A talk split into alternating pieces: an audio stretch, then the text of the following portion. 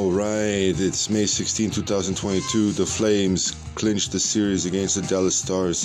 A phenomenal, phenomenal win. Phenomenal win. I'm so happy being an Albertan here for over 33 years. It's just been phenomenal to see the Flames finally getting back to those Stanley Cup days. They've been close many times. I think right now the puck is bouncing their way. I still remember the Tampa Bay Lightning days. I still remember the uh, Detroit Red Wing days. I still remember those days. San Jose Shark days, Anaheim Ducks days. And uh, now it's uh, the Battle of Alberta. Edmonton Oilers up next. It's going to be a good, good game both sides are uh, hopeful for the next round, but first and foremost, we're talking about the Flames.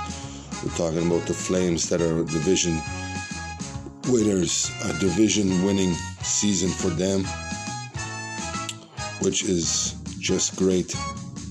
82 games played in the season, coming out in game seven like a team that was not to reckon with, you know putting up 60 shots or more on the goaltender there from the Dallas Stars, who played a phenomenal game as well behind the pipes, but it just couldn't be done on those statistics. You put up that many shots, you're bound to lose the game. You're bound to lose the game. It's the truth.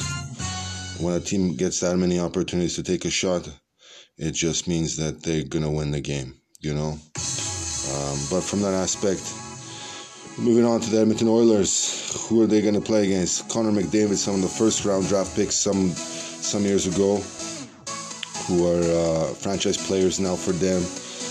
Now we're talking about uh, the Gretzky era.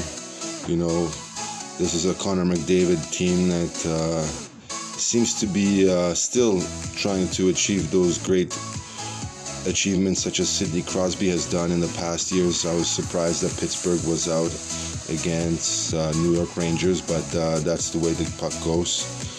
However, uh, we're moving on to the Calgary Flames Edmonton Oiler game. It's going to be great. It's going to be fun.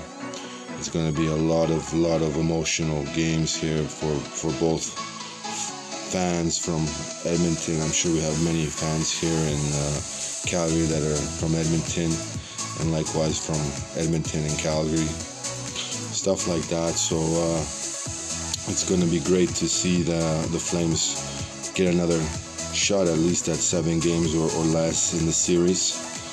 So we'll see how, how they can uh, win this win this round. I think they are uh, better situated in winning this game than the last one. I think just because uh, you know they have that uh, advantage in the divisions division as division finalists. So uh, that speaks volumes about them, and uh, I think that uh, you can never say that uh, division finalists can just bow down, bow down to uh, a loss. So it's about time that the results are being respected, and it's good to see that Calgary is going to probably play at least another seven to fourteen to twenty-one games here, if not more. So we'll see.